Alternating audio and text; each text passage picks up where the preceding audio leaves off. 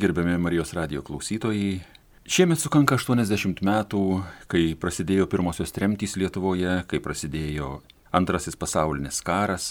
Ir šią progą mes į Marijos radio studiją pakvietėme Vinco Kudirkos muziejaus vedėją, gerbiamą Vidą Andriukaitytę. Kaip žinome, karo pradžia buvo tokia, sakysim, labai žiauri. Na, karas niekada nebūna kažkoks malonus, švelnus, karas tai yra žudimo menas. Tai va, bet būna tokių dalykų, kurie, kaip sakant, na, tarsi karas, bet su karu nesusiję. Tai ypatingas žiaurumas, kankinimai, žudimai, civilių gyventojų žudimai. Ir štai 1941 m.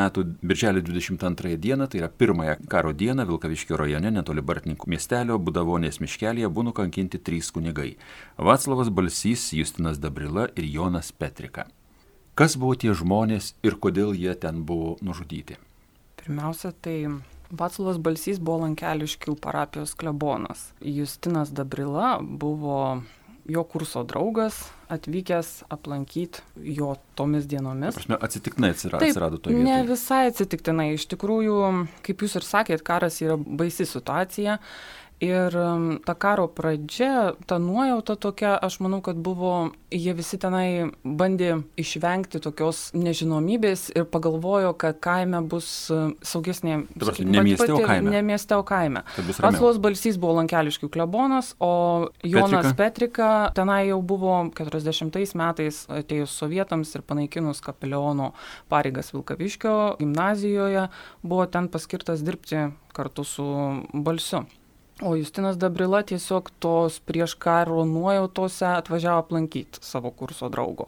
Ir jie tenai tiesiog tuo momentu viešėjo. Prieš tai toje parapijoje buvo apsilankęs keletą dienų prieš ir vyskupas Vincentas Brizgys, ir prelatas Tulaba, ir vyskupas Podolskis, bet jie tiesiog tokio laimingo atsitiktinumo savo prisiminimuose jie ten fiksuoja, kad dėka išvyko anksčiau o tą birželio dvidešim antrą dieną vyko tokia baisi situacija. Istoriniuose faktuose yra kad reiškia atvyksta sovietų kariai į kleboniją su priežastimi kad yra nutrauktas telefono ryšys. Kažkas tai prie klebonijos yra nukirpęs laidą telefono ir yra iškviečiamas klebonas šiuo atveju reiškia aiškinamasi kokia yra situacija. Ir visi trys kunigai po kiek laiko yra suimami ir išvežami į budavonės mišką tikrųjų liudininkų, kas ten vyko, nėra, mes tik tai turim faktą, kad valandų bėgyje prasideda karas, užskrenda vokiečiai, vokiečių kariai ir po kiek laiko jie pasikviečia parapiečius į mišką ir ten yra randami trys žiauriai išniekinti ir nukankinti kunigų kūnai. Žodžiu, kaip sakant, Justinas Dabrila atvažiavo iš Vilkaviškio į ramesnę vietą. Taip. Kad būtų pas draugą, Taip. kaip sakant, apsilankytinas, nėra kur dėtis, nėra kas daryti. Taip Va, ir kaime kaip tik tai pakliuvo į tokią situaciją, kad kažkas tai pro šalį einančią telefono liniją nukirpa. Taip. Va, ir apkaltina juos. Tai va dabar pabandykim pasižiūrėti bendrai kontekstą visą tą, kas buvo, sakysim, iki tol. Tuo metu, kaip sakant, jau Lietuva buvo okupuota prieš metus. Taip. Ir vyko baisus dalykai. Sakysim, 39 metų, reiškia, po Ribbentropo Molotovo pakto pasirašymo, Lietuvai pasiūloma sutartis, kurios jie negali atsisakyti, nes tai suderinusi Tarybų sąjunga su Vokietija. Ribbentropas su Molotovu susitarė ir dalis Lietuvos perduota Sovietų sąjunga, dalis atiduota Vokietijai. Po to jau ten Sovietų sąjunga išperka kažkokiu tai būdu ten tą vakarinę dalį, būtent tą suvalkyją visai iki pasienio, mhm. kur yra Vilkaviškis, moka Vokietijai reparacijas visokias, nu, sumoka už tai, reiškia, pinigais, grūdais, ten medžiagom įvairiom. Ir visa ta Lietuvos teritorija atsidūrė, taip sakant, Sovietų sąjungos okupacijos zonoje. Ir 40 metais jau įvedama kariuomenė, pradedami pirmieji, kaip sakant, na, valymo darbai, tai yra Liepos 12, 13, 40 metų jau surinkami 2000 žmonių, pačių iškiliausių, tai yra politikai, kariškiai vadovybė, mokytojai, visi, kas buvo, kaip sakant, tauto žiedas. Visi valstybės lyderiai, viskas, ir jie areštuojami. Pilnas devintas fortas, pilni kalėjimai, po to jau čia Lietuva inkorporuojama, 20 žmogeliukų pastatom ir sakom, važiuosit į Maskvą prašyti Stalino saulę parvežti, čia jau rūpyčio mėno pradžia, reiškia, nuvažiuoja, parveža tą saulę ir čia prasideda po truputėlį visa sovietizacija, okupacija, uždraudžiama partijos, uždraudžiamos, kaip sakant, bažnyčios, va iš kapelionai iš mokyklų atleidžiama ir taip toliau. Prasideda sovietizacija Lietuvos. Viršūnė viso šito proceso yra 41 metų birželio 14 diena, kada prasideda pirmoji tremtis, tai yra apie 20 tūkstančių, na niekas ten tiksliai nežino, kiek jų ten buvo, ar 17, ar 30, yra skaičiai įvairūs, bet faktas yra tas, kad daugiau negu 20 tūkstančių žmonių yra išvežami į Sibirą.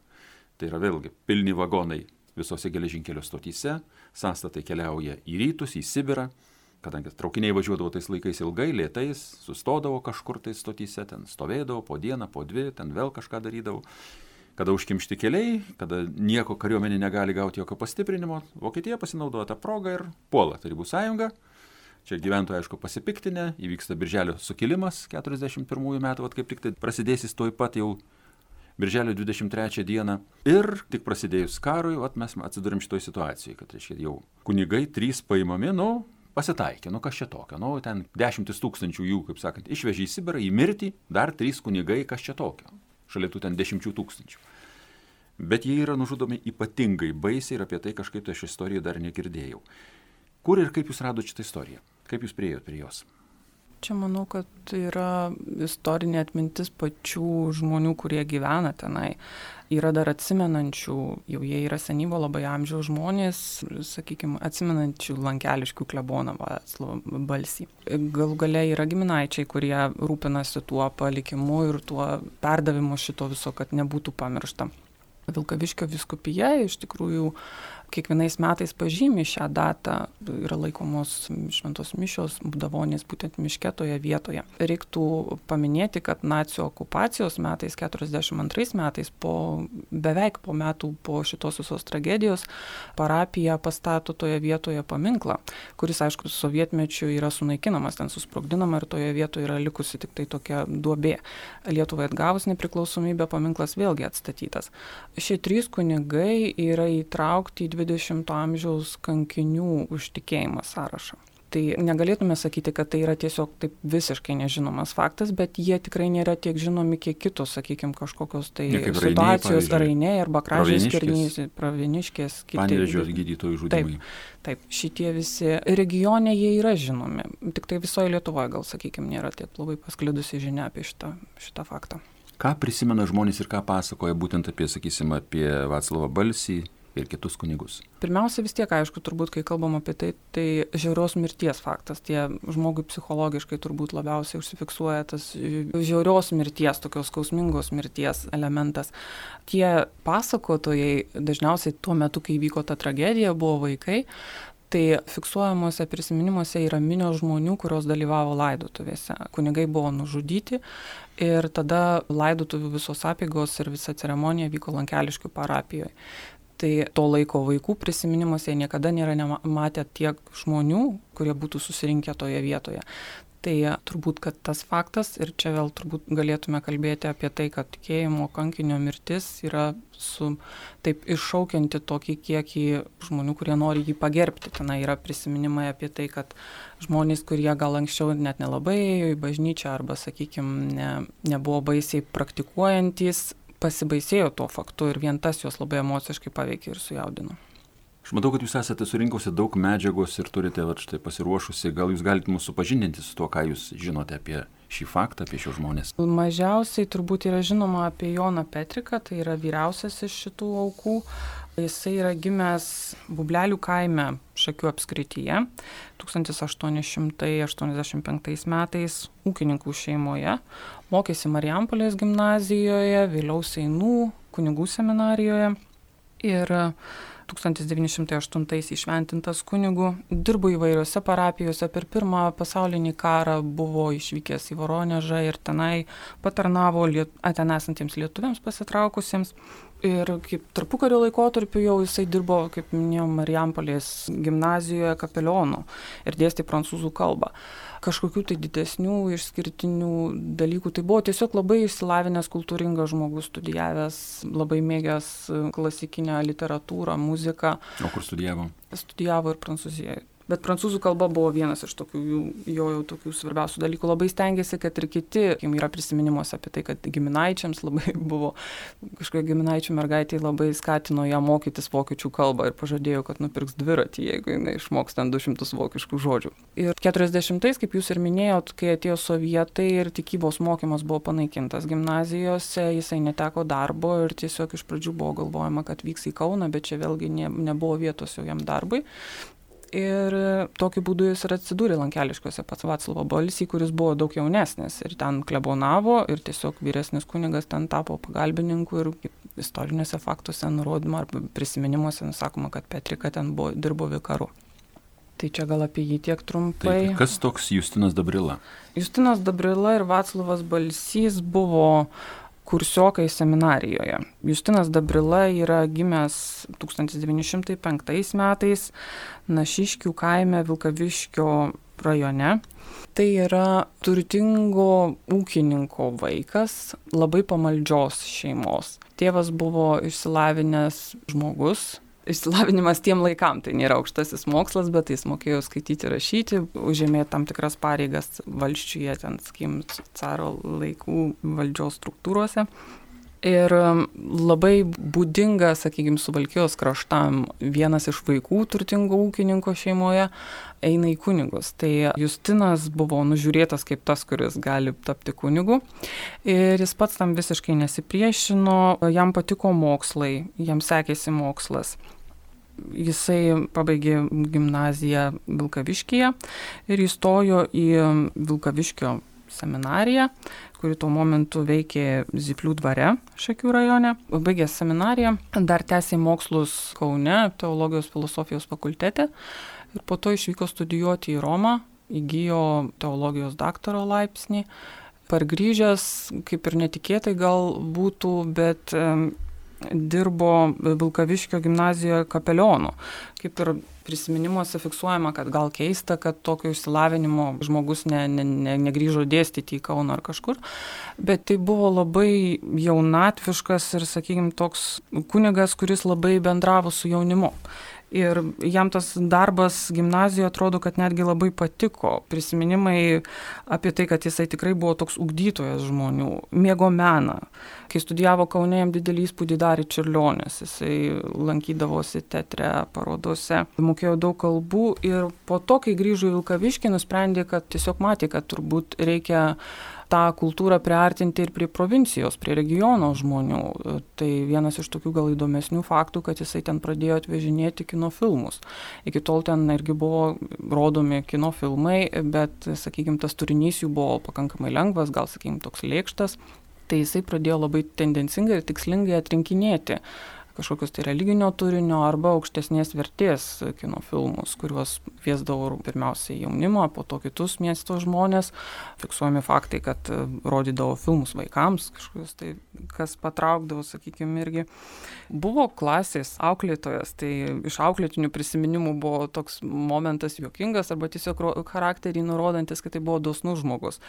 Ten auklėtiniai labai dažnai, sakykime, tokiuose kažkokiuose žaidynėse, peštynėse vis laiką sugadindavo savo mokyklos turtą, tai yra kempinę valyti lentą. Mėtydavo. Ir mėtydami, taip. taip ir žaisdami futbolą ir tiesiog ją sudraskydavo ir mokykla jau iš karto kviesdavosi auklėtą ir sakydavo, žiūrėkit, kokie čia jūsų yra nedrausmingi.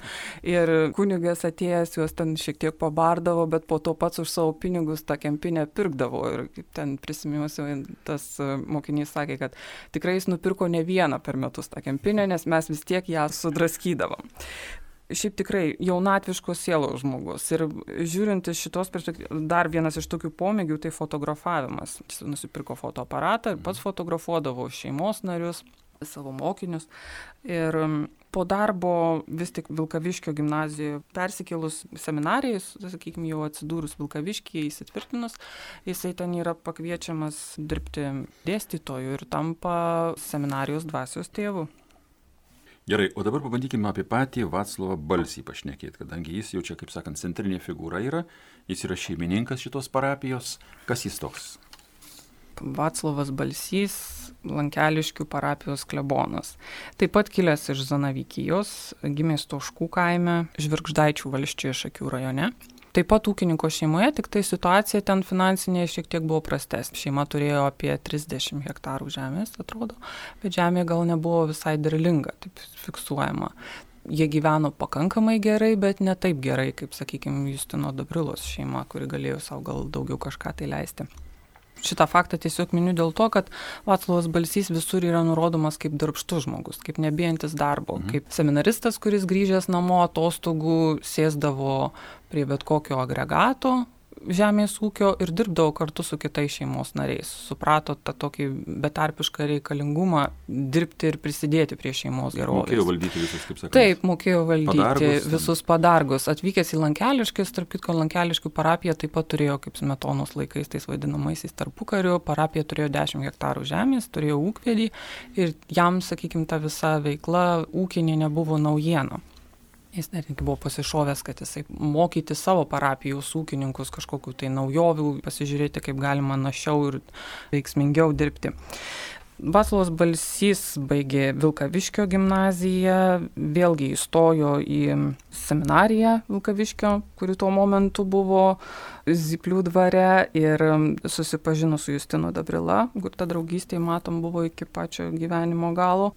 Šventimus gavo dėl savo amžiaus ne iš karto, o 1928 metais buvo įstojęs į teologijos filosofijos fakultetą Kaune, Vytauto didžiojo universitete. Ir su pertraukomis ten baigė ir išlaikė teologijos licencijato egzaminą. Yra ten įvairių um, nuorodų archyvose, bet paskutinis vis tiek tai yra nurodomas, kad tas egzaminų lapelį jisai turėjo, buvo išlaikytas. Pirmoji jo parapija yra labai arti gimtosios parapijos, Žirgždaičiai ir Naumiestis yra greta. Paskiriamas Naumiesčio parapijos vikaru, ten pradirba metus, tada dirba Marijampolės, kitur dar nurodoma, kad Kauno kalėjimo kapelionu, bet vis tik tai pagal tikslesnius duomenis tai yra Marijampolės kalėjimo kapelionas, Marijampolės seminarijos, mokytojų seminarijos darbuotojas. Ir galiausiai 36 metais jisai tampa Lankeliškių parapijos klebonu. Jeigu lyginant Justiną Dabrilą ir Vaclovą Balsį, tai Justinas Dabrila yra toks tikrai kosmopolitiškas to 20-ojo amžiaus pradžios, tos tarpukario Lietuvos, kuri yra atsivėrusi pasauliui, tos galimybės išvažiuoti studijuoti, jis išvažiuoja, studijuoja, keliauja, yra fiksuojamos jo ir vyskopo Brizgio kelionės kartu maršrutai po Varšuvą, po Vieną, po Romą. Vaclavas Balsys labiau į tokią ramesnę, tėviškę Lietuvos tokio paprasto kaimo kunigo pašaukimą turintis žmogus. Žodžiu, kaip sakant, trys skirtingi žmonės ir jie visi atsiduria ne laiku ir ne vietoje. Kažkas nukerpa telefono laidą ir užpuola Greičiausiai, kad tai yra pasienio kariuomenė, kadangi čia yra pasienio zona, iki, iki sienos ten kiek, kokia 15 taip. km gal kažkur tai, ne? Taip.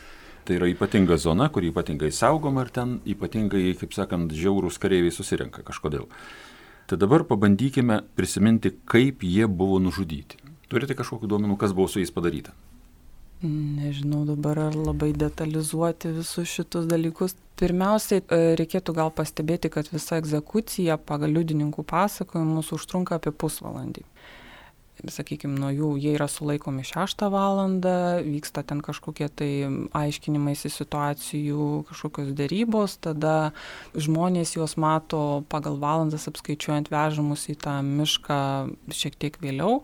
Ir po to jau, sakykime, pagal tada, kad prasideda karas ir jau mes matom bėgančius tiesiog paniškai bėgančius Rusus. rusų kareivius mm. iš to miško ir iš mm. visų kitų vietų, kur jie yra, ir ten atvykstančius vokiečius. Ir kada jau vokiečiai ateina į kaimą ir pasikviečia um, kaimiečius atvežti mm. į mišką, kad ten matytų, kas ten yra situacija ir atpažintų kūnus, tai paskaičiavus laiką, tai visam tam procesui, kuris vyko, tam žiaurumui, kuris vyko miške, lieka pusvalandis. Mhm yra durtinės žaizdos, yra išsukti sanariai, yra labiausiai yra nukentėjęs vis tik tai Vaclavas Balsys. Spėjama dėl to, kad jis buvo šeimininkas, sakykime, vis tiek tai yra jo parapijoje įvykęs faktas, ar tai buvo nuo, nuo jo buvo pradėta kažkaip tai, bet labiausiai nukankintas yra jisai. Yra plėštinės, durtinės žaizdos ir išsukinėti sanariai tiesiog išplėštos galūnės, ten kalbama apie nupjautus liežuvius. Kai kurie prisiminimai yra tokie, žinot, kaip pasakyti, praėjus laikui žmonės žiaurumą įsivaizduoja, ar kažkaip tai kažką prideda, ar tai, kas yra žiauru, mes, mūsų sąmonė, turbūt ne visada ir sugeba suvokti tokius faktus, nes sveiki normalų žmonės negali kitam žmogui daryti tokių baisių dalykų, bet tai tiesiog... Tai dar ir rusų kareiviai. Tai dar ir rusų kareiviai.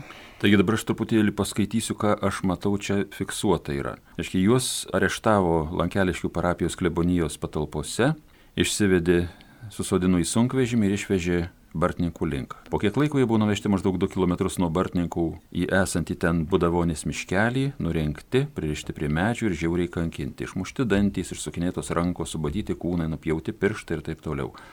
O netoliese gyvenę valstiečiai girdėjo riksmus miškelio pakraštyje. Kiek vėliau kažkas matė čia miške gulinčius sužalotus kūnus. Nuo praėjus frontui kitą dieną kunigų lavonai buvo parvežti lankeliškius, nuvalyti, aprengti liturginiais drabužiais ir palaidoti. Ką prisimena žmonės apie laidotuvės?